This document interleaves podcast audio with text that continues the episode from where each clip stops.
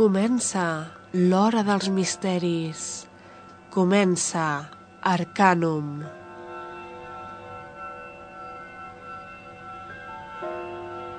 Prepara't per una nit de vols a l'escombra, de viatges en el temps, de personatges enigmàtics, de rituals màgics, d'edificis encantats i d'aparicions espectrals.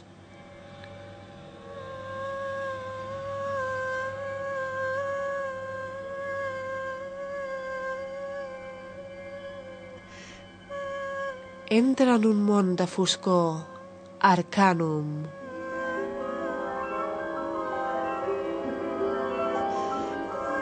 Divendres, de 8 a 9 del vespre, al 107.7 FM, Radio Nova.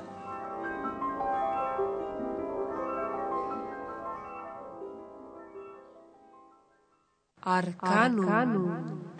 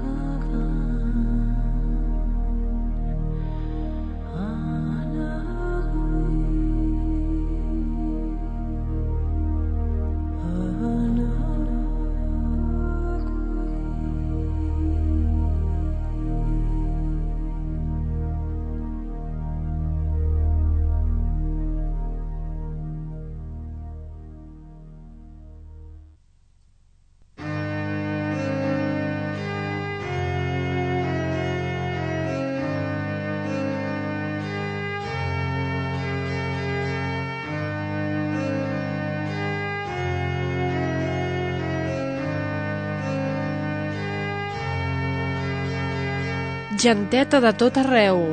Desitjo compartir la vostra diversió i el vostre amor. Escolteu la meva crida. Follets, veniu un i tots. Gop, dirigent de noms i nans. Veniu i compartiu el vostre humor jocós. Negna i les vostres ondines atrevides, els vostres jocs del passat, jugueu amb mi. Cèfirs de l'aire, Peralda, acaricieu-me mentre la meva pell està nua. Guiades per gin, salamandres, podeu jugar a les flames de l'espelma, esperits de totes les classes de la natura. En amistat, saltem ara, seré per vosaltres una filla de l'amor. La meva disposició és alegre, com ho podeu veure. I sempre canteu i jugueu. Sento com els meus problemes es debiliten. El vostre riure, amor i diversió em criden. I sentir-me com vosaltres m'ajuda.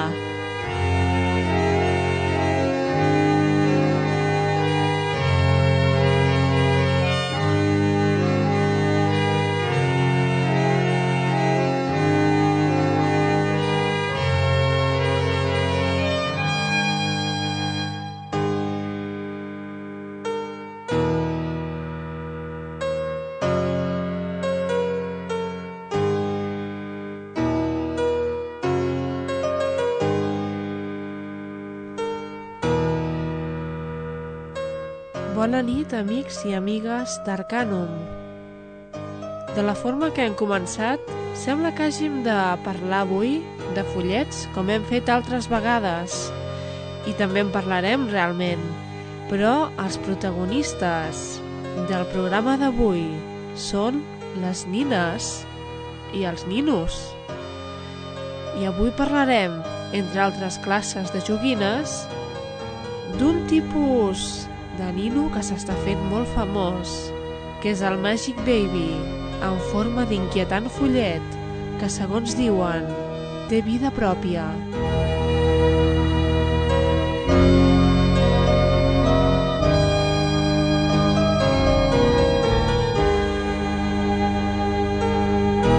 Us dono la benvinguda a una nova nit de misteri a Ràdio Nova. Fa només unes setmanes que les festes de Reis han acabat i ens trobem en els freds principis de l'any. Han estat generosos amb vosaltres, els Reis? Els protagonistes d'aquestes festes han estat els nens i les nenes i entre els regals que han rebut segur que destaquen les nines. Aquests estranys personatges, tan silenciosos, fan les delícies de molts infants, però algú de vosaltres, en algun any de la vostra vida, heu rebut una nina que en comptes il·lusionar-vos us fes por?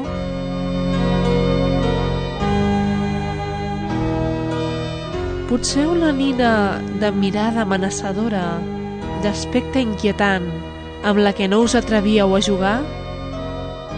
La temporada passada, Arcanum vam parlar de la pediofòbia, la fòbia a les nines i moltes històries a mitges entre la llegenda i la realitat, llegendes de nines maleïdes que tenien vida pròpia. I aquesta nit, havent recollit noves històries i nous casos, ens submergim de nou en una infància misteriosa on les joguines tenen vida pròpia.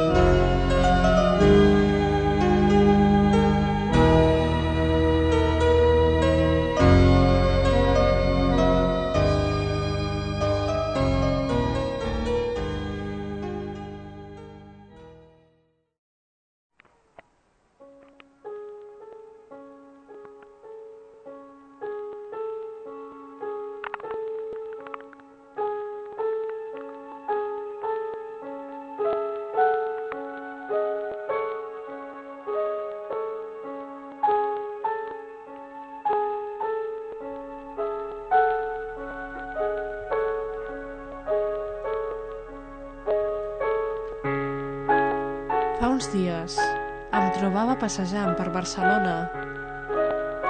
Era un dia gris i recordo que no estava gaire animada. Vaig trobar-me amb diferents parades d'antiguitats. Aquestes parades sempre m'han atret molt.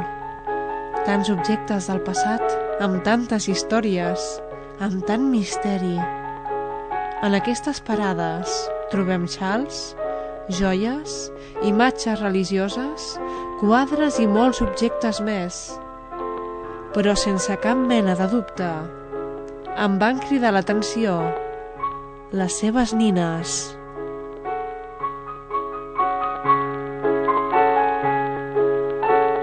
Nines antigues, algunes d'elles molt maltractades pel temps, nines amb roba clàssica, cos mal girbat i una cara horrorosa.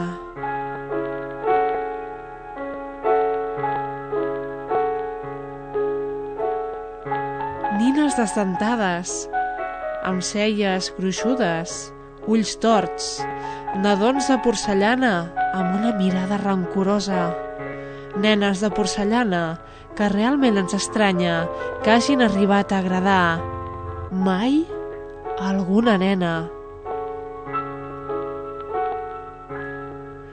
Una d'aquestes nines tenia els ulls tancats i semblava un cadàver, el cos d'una nena assassinada o morta per una terrible malaltia que en qualsevol moment obriria els seus ulls de vidre i ens observaria.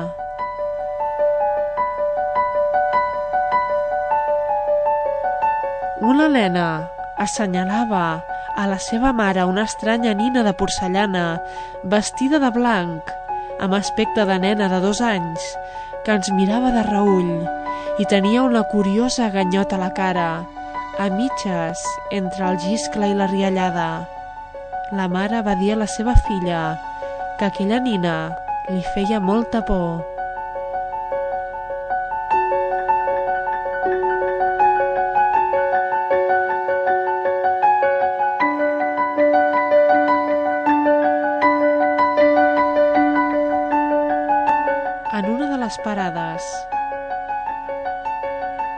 Nadons de porcellana compartien calaix amb els diferents tipus de nen Jesús adequats a l'època i no menys inquietants.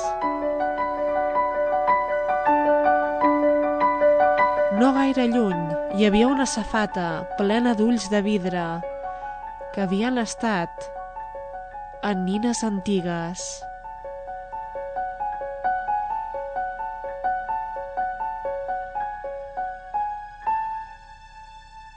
Després d'aquesta visita, vaig estar recordant moltes de les històries noves que havia sentit sobre les misterioses nines.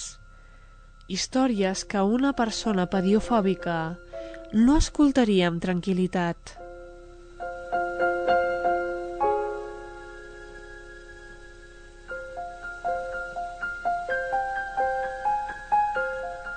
Com si d'una petició sobrenatural es tractés, per casualitat, anaven sorgint més anècdotes i llegendes al meu camí. Al mateix temps que internet, i per una estranya casualitat, acabava trobant pel·lícules depriments i angoixants, protagonitzades per nines mutilades, que semblaven dur a la seva hieràtica cara la tristesa de l'abandó en una deixalleria, quan en el passat uns braços infantils les havien estimat.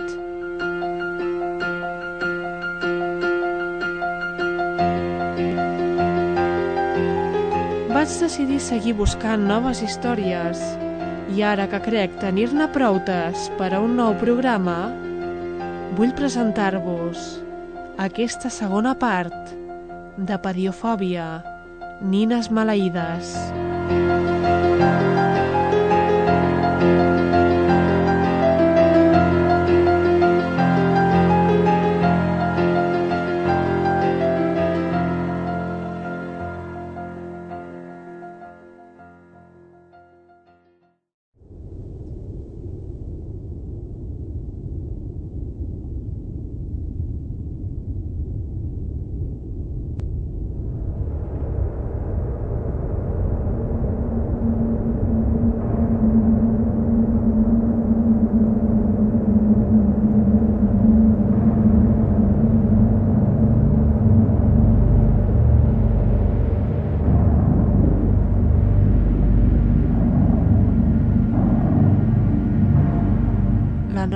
primera història és una història de fantasmes, amulets i malediccions.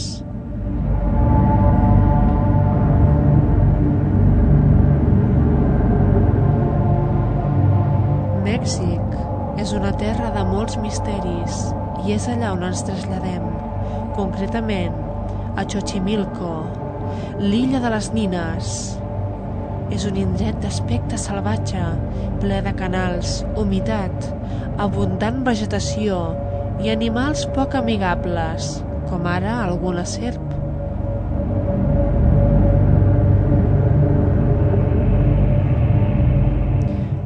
Xochimilco es troba l'anomenada Isla de les Muñeques, l'illa de les nines, una petita illa on als anys 70 hi vivia una sola persona, Julián Santana Barrera.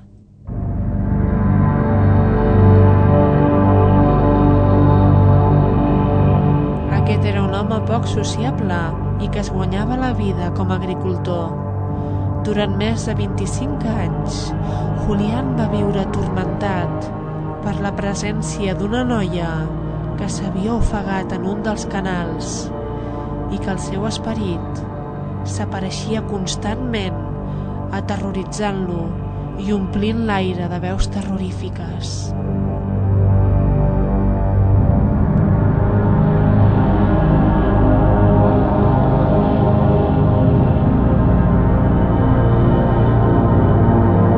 Julián va decidir protegir-se de l'esperit i per fer-ho es va dedicar a recollir nines de les escombraries i a penjar-les dels arbres i de les parets de casa seva.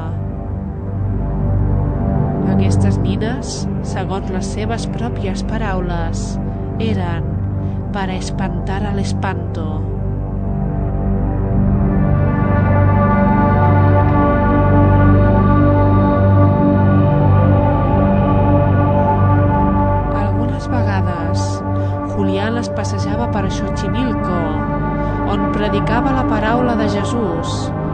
I resava pels carrers, cosa que estava molt mal vista a l'època, ja que s'havia de ser sacerdot per predicar. Julián es dedicava també, com hem dit, a recollir nines de les escombraries o d'hospitals de nines, tot i que algunes persones també li regalaven algunes d'aquestes joguines.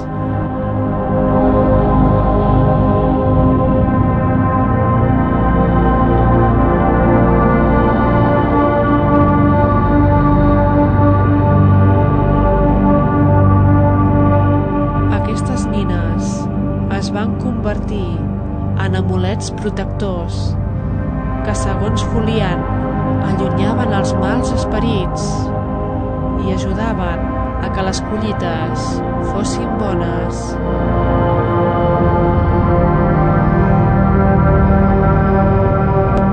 Julián també havia arribat a dir que algunes d'aquestes nines apareixien espontàniament i que li feien companyia.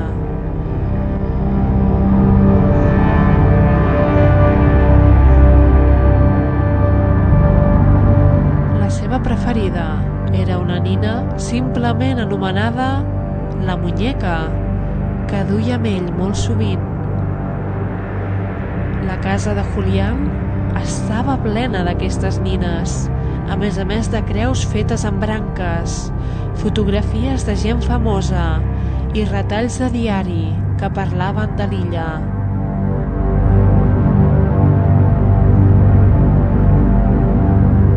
Les persones més properes al misteriós Julián eren la seva germana i el seu nebot, Anastasio Santana, conegut com a El Chope.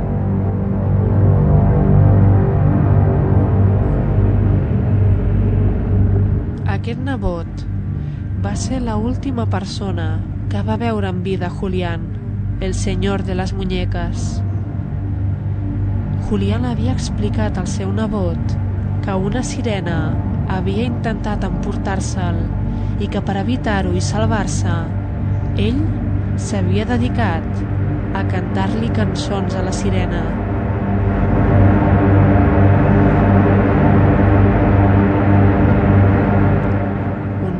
Julián es trobava pescant en un dels misteriosos canals de la illa, mentre el Chope munyia les vaques.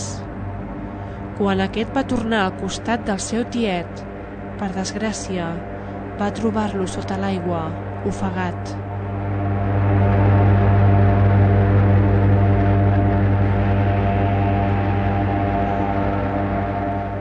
La família va començar a sospitar que potser la sirena de la que havia parlat Julián era la responsable de tot, que ella s'havia emportat a El Senyor de les Muñeques.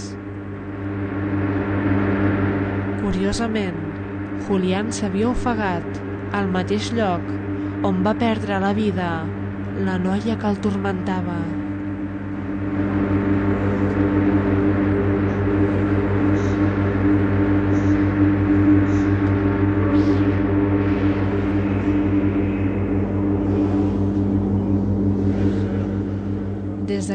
Misteriosa mort, el Chope s'ha dedicat a cuidar la misteriosa illa. Es diu que una dona li va demanar que escollís entre ella o la illa i el Chope va triar l'illa.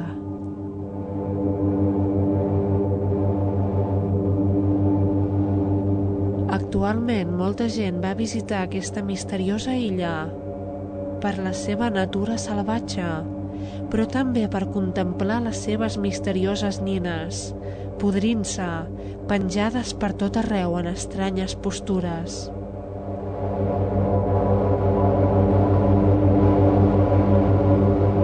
Al Museu Tradicional es troben moltes d'aquestes nines exposades. Hi ha moltes llegendes al seu voltant. Hi ha qui diu que qui les maltracta acaba castigat amb una terrible maledicció.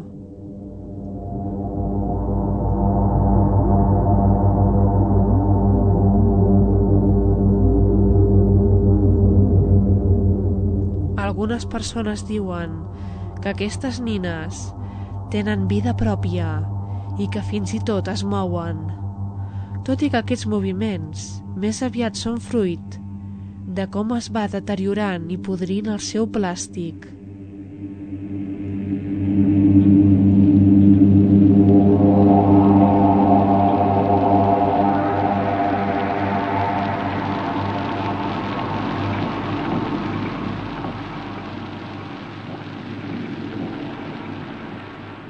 també diu que es poden demanar desitjos a aquestes nines i en especial una d'elles que rep moltes ofrenes i peticions és la muñeca, la preferida de Julián, que du collarets i ulleres de sol.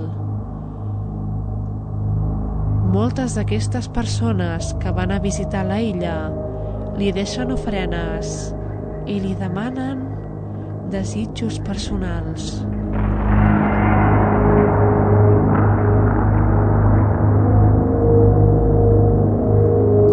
Moltes persones, però, no veuen amb bons ulls aquestes nines exposades a la crueltat del temps.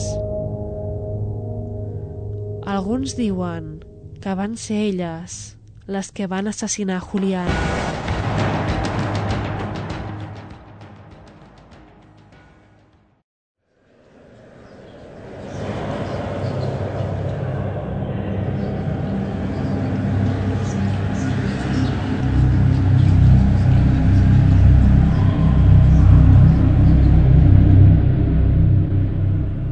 Veritablement, l'illa provoca bastanta por. La bellesa del seu paisatge contrasta amb la terrible visió de les nines velles penjades per tot arreu, plenes de brutícia i de misteri.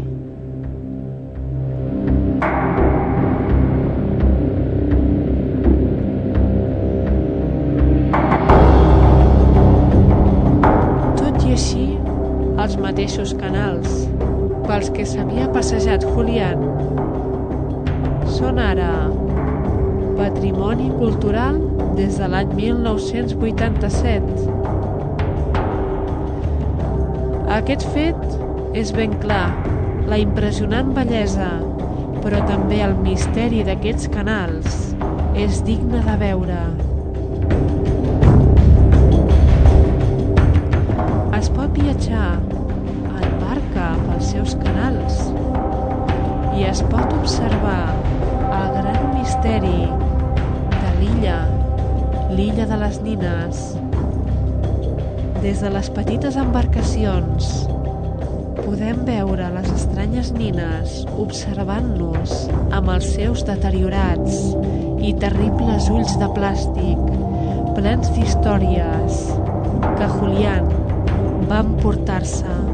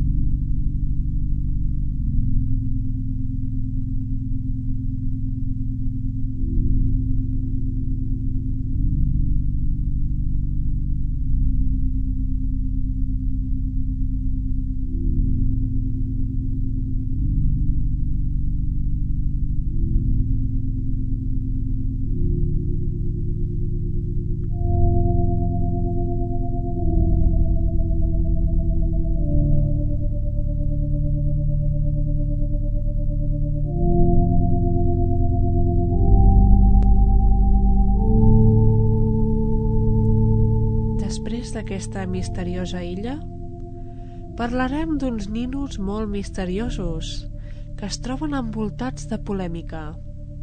Avui dia estan molt de moda i no es troben fàcilment a qualsevol botiga. Es tracta de ninos d'elfs, noms i fades que tenen un aspecte veritablement autèntic. S'anomenen Magic Baby.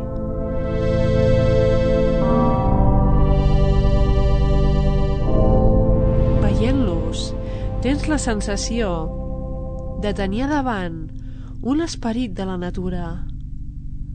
Aquests ninos, segons es diu, t'escullen a tu perquè els compris, i no a l'inrevés.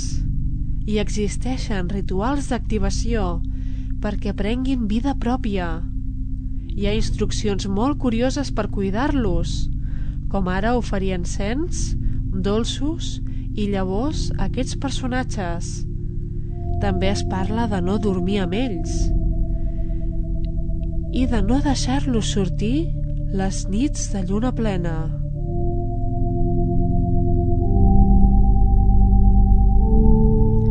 Aquests rituals d'activació per donar vida a aquests elfs no són pas complicats i circulen lliurement per internet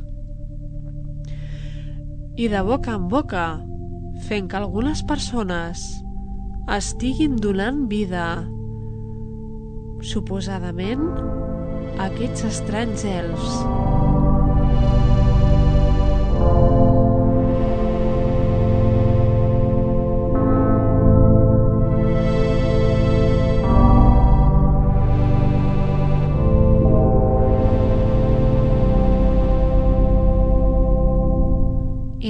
nosaltres anomenarem un d'aquests rituals.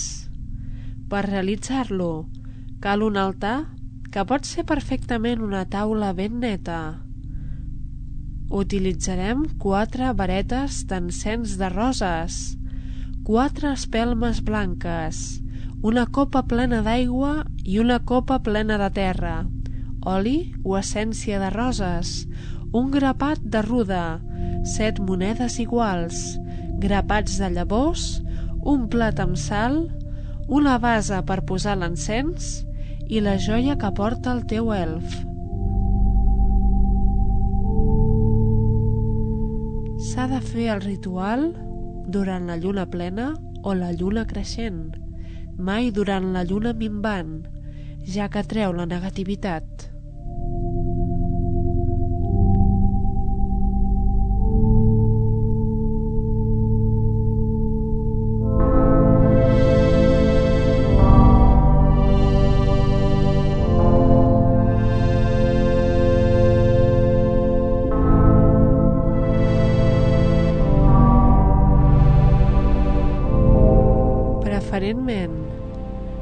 Fer aquest ritual justament quan s'ha post el sol, però si no és possible, es pot fer a qualsevol hora de la nit, sempre i quan estiguem tranquils i sense interrupcions.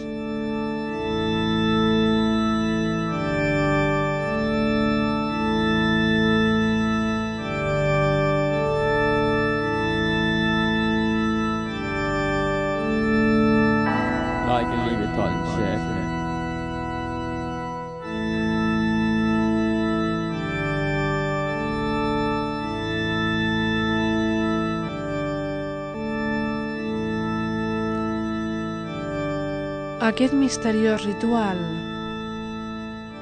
s'ha de fer en un lloc tranquil i net. A l'altar escamparem la ruda i les llavors i també hi estirarem a sobre l'elf amb el cap orientat cap on surt el sol. Al seu voltant hi posarem les monedes formant un cercle posarem una espelma a uns 10 centímetres del cap de l'elf, una altra als seus peus i les altres dues a cada costat.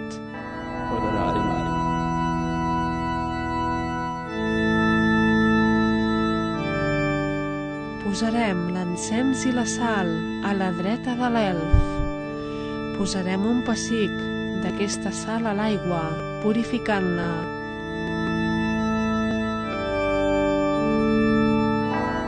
La copa d'aigua amb sal la posarem a l'esquerra de l'elf i la copa plena de terra a la seva dreta.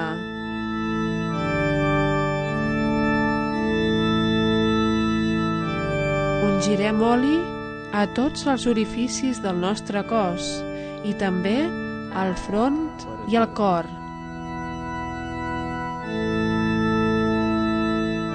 Visualitzarem l'habitació on estem fent el ritual com un lloc lluminós on no hi té cabuda res dolent.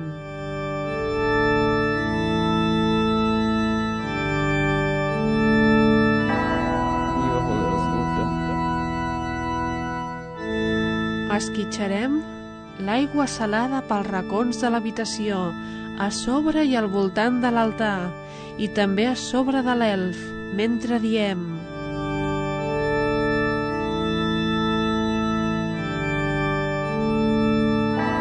Sal a l'aigua, al buidar-te, que no hi hagi ni voluntat ni propòsit desconegut, sinó de veritable acord amb mi, i que es faci la meva voluntat,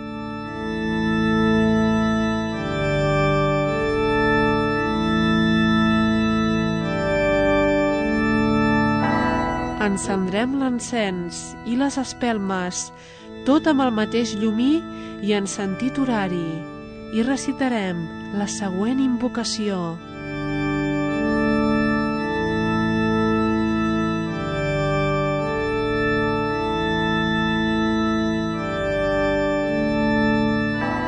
Adorable i poderós Shiva, Déu de l'Absolut, arrasa allò inferior, emporta tu ben lluny, Deixa la bellesa i la llum brillant, neta i vella.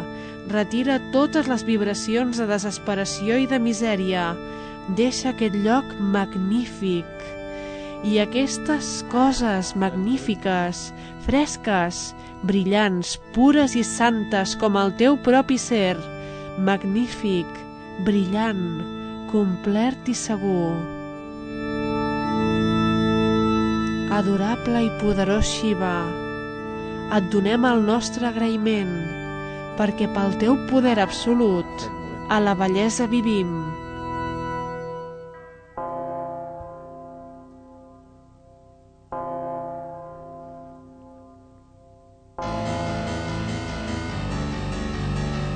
Llavors, aixequem les mans amb les palmes mirant les flames i recitem la invocació a les criatures del foc.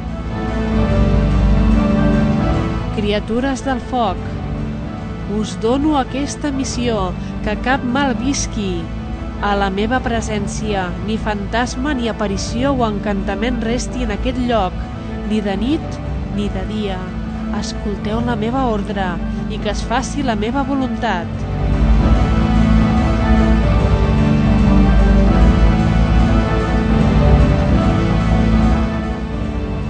Mullarem el dit amb l'oli i dibuixarem amb aquest petites creus en cada cantonada de l'altar i també al centre i a sobre de l'elf, mentre reciteu la invocació als elementals de l'aire.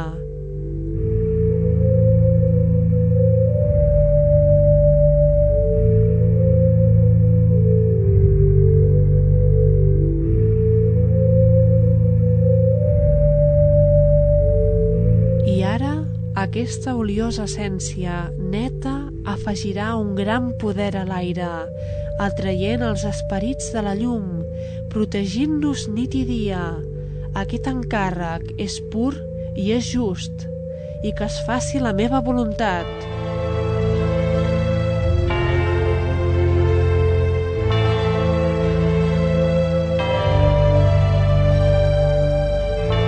Després, amb els braços aixecats, sentint com es purifica el nostre voltant, direm elements, esperits, déus ancestrals, aquest nou altar ara contemplem, convindreu amb mi, que està lligat a mi en pau i autèntica serenitat.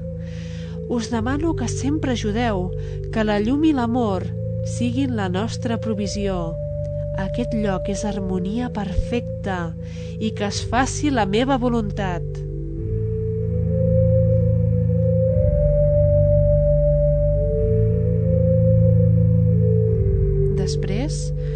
Seiem a davant de l'altar enviant amor a la creació i pensant en tota la seva bellesa fins que sentim una gran serenitat.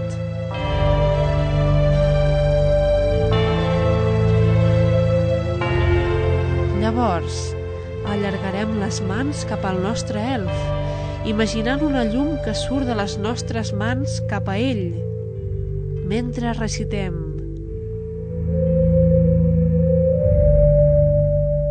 Genteta de tot arreu, desitjo compartir la vostra diversió i el vostre amor. Escolteu la meva crida, follets, veniu un i tots. Gop, dirigent de noms i nans, veniu i compartiu el vostre humor jocós. Negna i les vostres ondines, atrevides, els vostres jocs del passat. Jugueu amb mi, cèfirs de l'aire, paralda, Acaricieu-me mentre la meva pell està nua.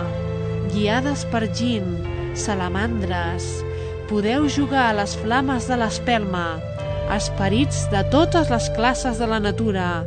En amistat, saltem ara.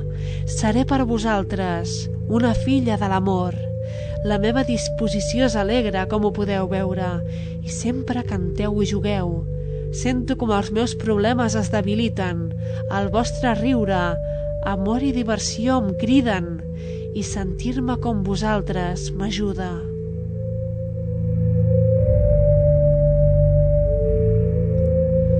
Després d'aquestes paraules, que ja hem sentit al principi del programa, acariciarem l'aura de llum que s'haurà format al voltant de l'elf i direm temut Déu de la mort i la resurrecció, de la vida i donador de vida, Déu nostre. El teu nom és misteri de misteri. Dóna força als nostres cors, permet que la llum es cristal·litzi en aquest elf, donant-li el do de la vida i la resurrecció. No hi ha res en nosaltres que no vingui dels déus. Descent, t'ho supliquem, a sobre de la teva serventa i sacerdotesa.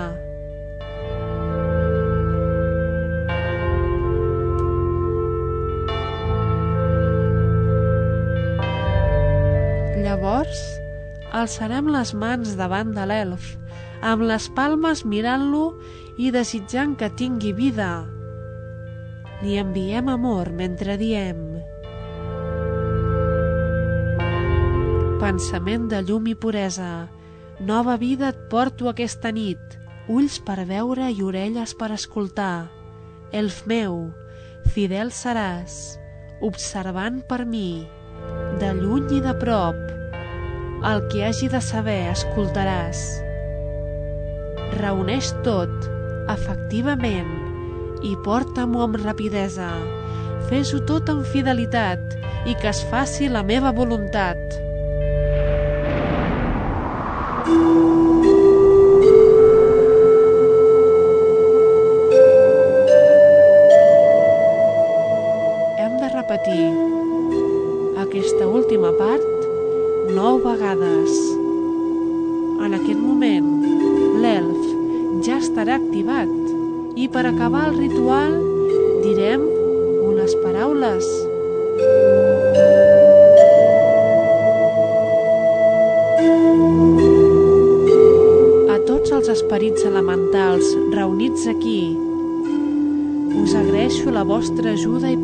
Participació. Aneu en pau als vostres llocs nadius de vida i no feu mal a ningú durant el trajecte.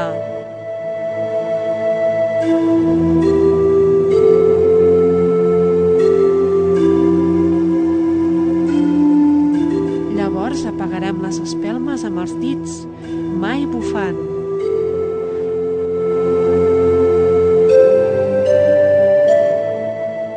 Ja tenim el nostre elf activat. està bé rebre'l amb una bona ofrena com ara dolços, llavors, mel i fruites. També el deixarem descansar uns dies després del ritual. Aquests elfs s'especialitzen en dur a les nostres vides una sèrie de regals com ara riquesa, èxit o amor.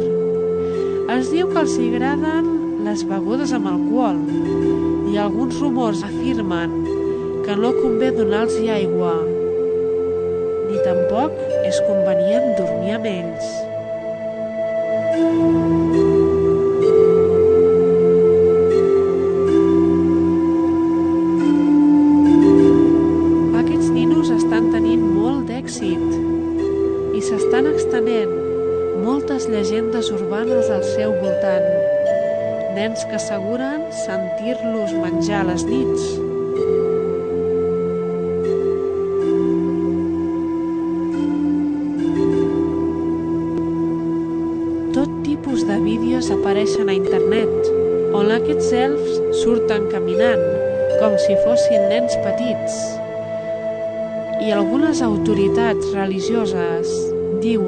Aquests elfs són diabòlics. La veritat és que l'Església considera sempre diabòlic tot allò que no és cristià, com ara els elfs, simplement perquè venen de creences paganes o tenen un fort vincle amb la màgia. Aquests ninos desperten por, rebuig, però també és veritat que desperten grans passions. Hi ha qui els cuida com a fills seus.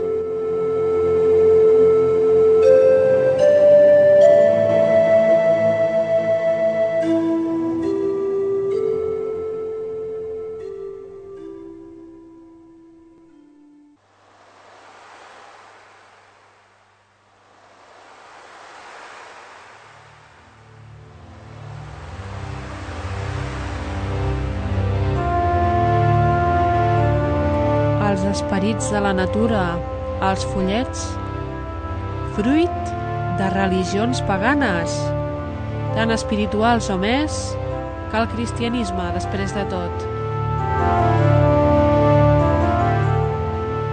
La gent està tornant a les tradicions paganes i el seu interès pels elfs i altres éssers màgics ho demostra ben clar.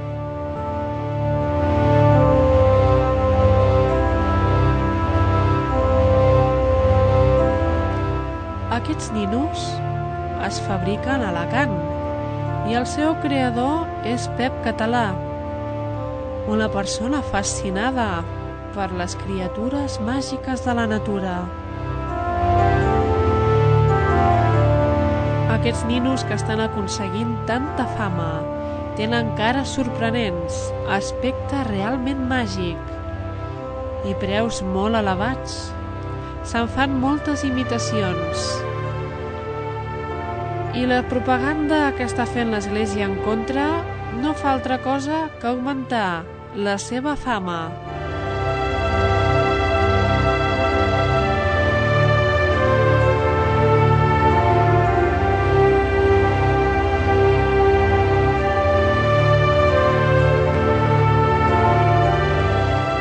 Algú de vosaltres ja ha adoptat el seu elf? Algunes persones expliquen anècdotes molt i molt sorprenents i mostren un increïble amor cap a aquests estranys ninots. Serà veritat que tenen vida?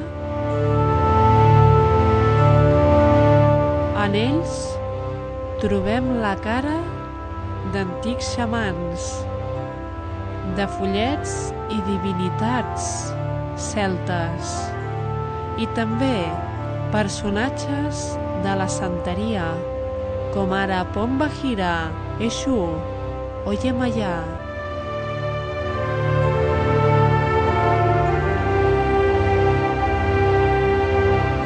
Teniu algun d'aquests elf que us hagi enamorat? Que porteu amb vosaltres i que estigui canviant la vostra vida? Fent petits miracles per vosaltres? qui sap? Potser, entre tanta llegenda, hi haurà quelcom que serà realitat.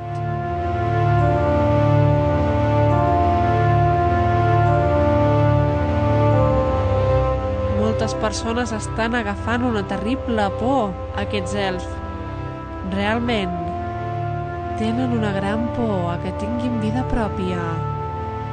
Però els seus admiradors estan molt agraïts de que aquests ninos estiguin vius, els hi facin companyia i els ajudin en el seu dia a dia.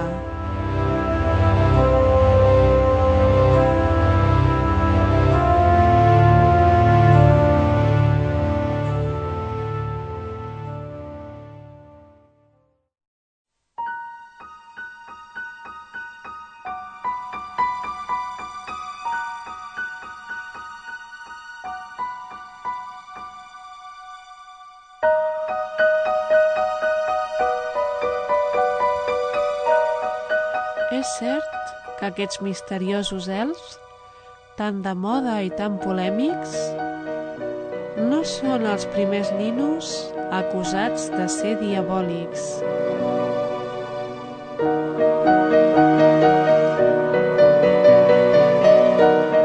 Fa molts anys, els peluixos dels barrufets tenien una llegenda negra bastant absurda al seu darrere.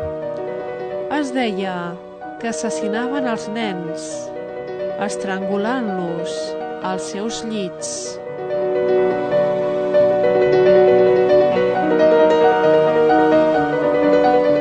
També s'ha dit que els petits trolls amb pèls de punta i tant de moda fa uns anys eren malèfics. I també es deia que els furbi eren perillosos amb aquell estrany aspecte pelut i amb els seus estranys tics propis d'un robot que té més tendència a espatllar-se que no pas a funcionar correctament.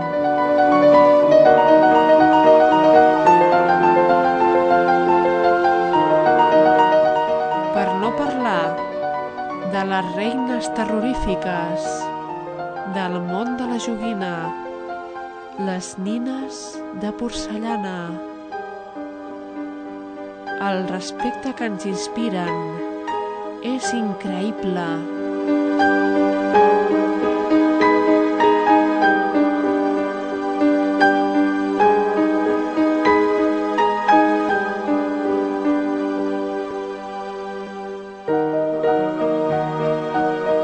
Sembla que les joguines, les nostres d'infància, ens fan certa por després de tot. Per què? Potser perquè la memòria genètica ens parla de fetichistes rituals de vudú. Altres teories ens parlen de l'animisme, segons el qual els objectes inerts també tenen vida, ànima i emocions, i que per tant poden reaccionar davant certs estímuls.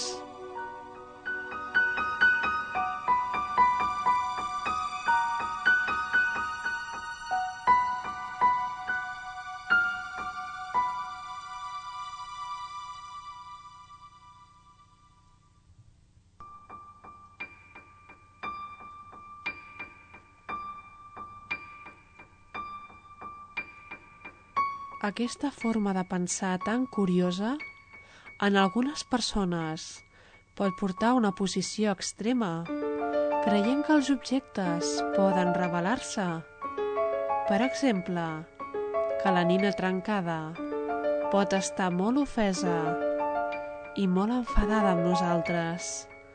Una idea bastant amenaçadora, per cert.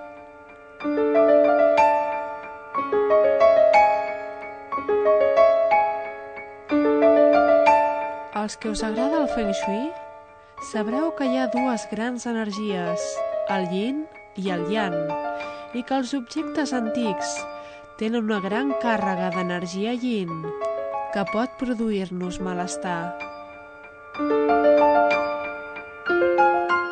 Aquesta energia pot trobar-se en una antiga nina de porcellana que no ens inspira confiança. La seva solemnitat i el seu passat fosc també ens incomoden.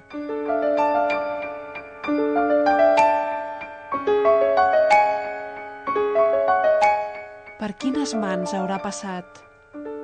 Quines històries podria explicar-nos si ens parlés?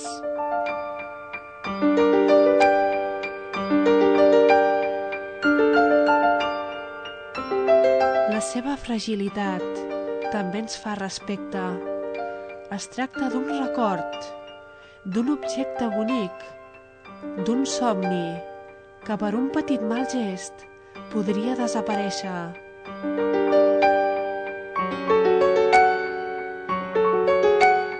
La delicadesa és fàcil de destruir.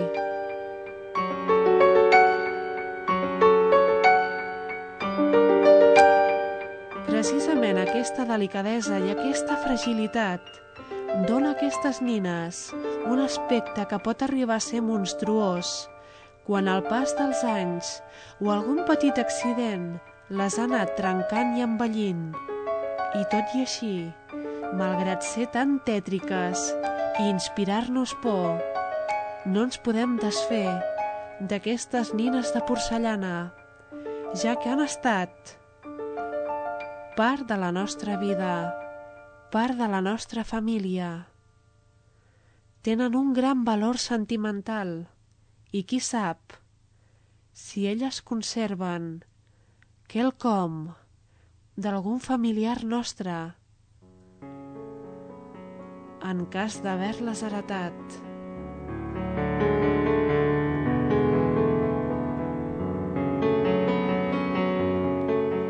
Podríem buscar reflectida a les pupil·les de vidre l'imatge de la nostra àvia, potser jugant durant la seva infància?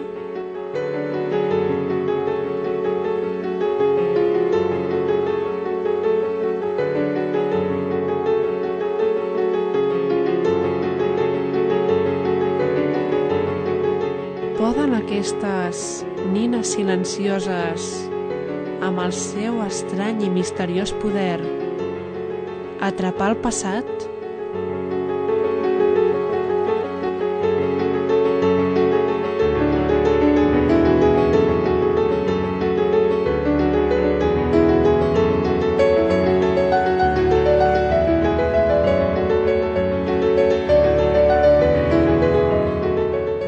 Explicació més per explicar per què aquestes nines ens fan por? Ens diu que les ànimes d'alguns difunts, per manifestar-se, trien objectes d'aspecte humà, com ara una nina, la nina de porcellana que descansa sobre el nostre llit. Per posar un exemple, que en qualsevol moment mourà els ulls o una de les seves delicades mans.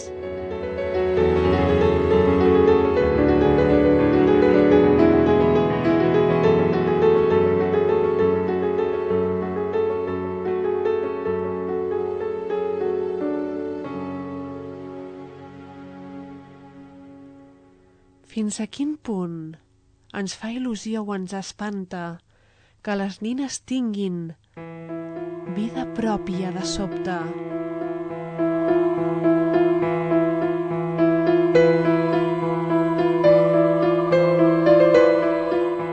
El clàssic musical de Hollywood, Lily, l'òrfana protagonista trobava consol en unes titelles que semblaven vives independents del titellaire, convertint-se en una de les seves fantasies més grans. Tot i que al final de la pel·lícula aquestes titelles realment reclamen la seva pròpia vida en un moment màgic i entranyable.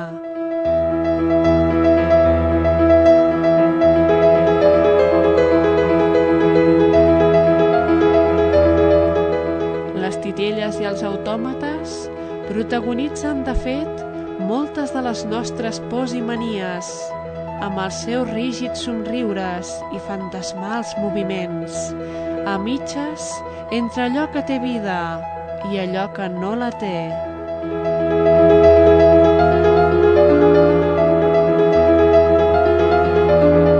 Pinocho és un clar exemple del nino que és tan real i estimat que obté la vida i es converteix en un nen de veritat que haurà d'escoltar la seva pròpia consciència i no ser un titella en mans de males companyies.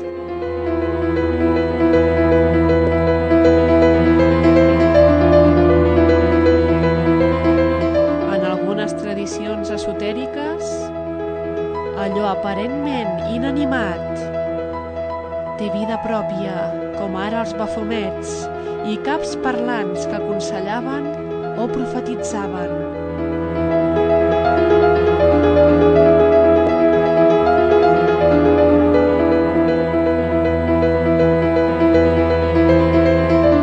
A la tradició jueva, el gòlem és una fabulosa figura feta de fang que pren vida gràcies a la màgia. Hi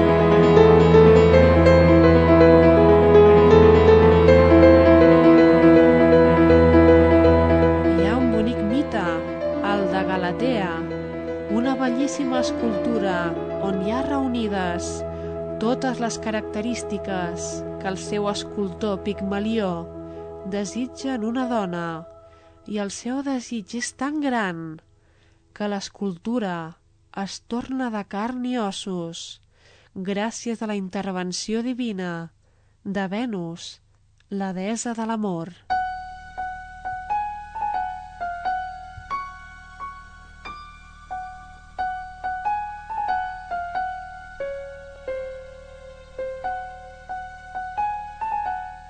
En aquests objectes d'aspecte humà, en aquestes nines, estàtues, autòmates i figures de tot tipus, projectem somnis, pors i desitjos que es troben al nostre interior.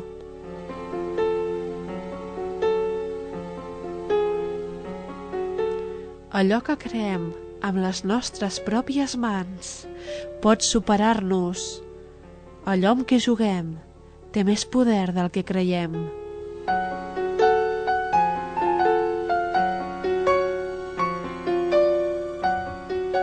Una de les primeres nines parlants, amb inquietants ulls verds que brillaven, Selene, va espantar a més d'una nena.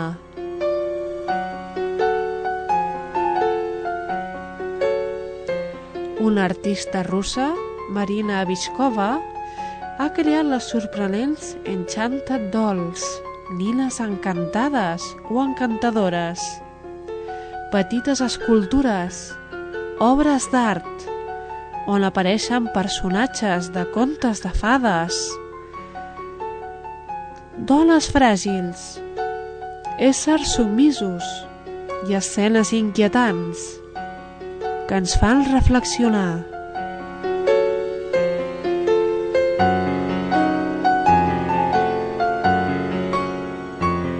Els dissenyadors de nines gòtiques han tret al mercat nines inspirades en llegendes urbanes. La nina a la que li han robat el ronyó, la nina fantasmal que apareix a les carreteres, entre altres, protagonitzen tot tipus d'estranyes històries, lluny de jocs infantils.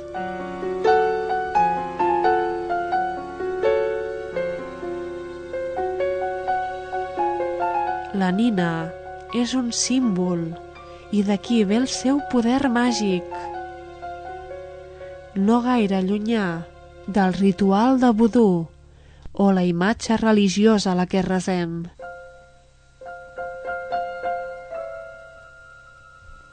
A través d'allò material busquem una comunicació amb allò espiritual.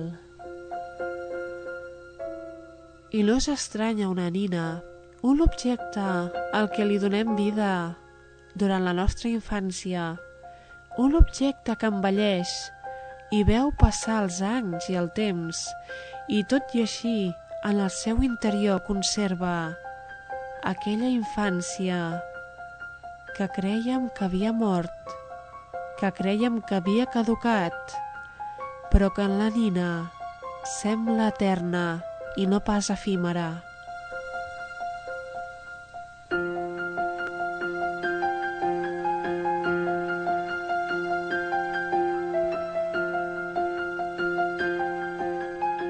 Aquest ha estat un programa dedicat a aquells fills i a aquelles filles de plàstic i de porcellana que mai abandonem del tot o que, millor dit, mai ens abandonen a nosaltres.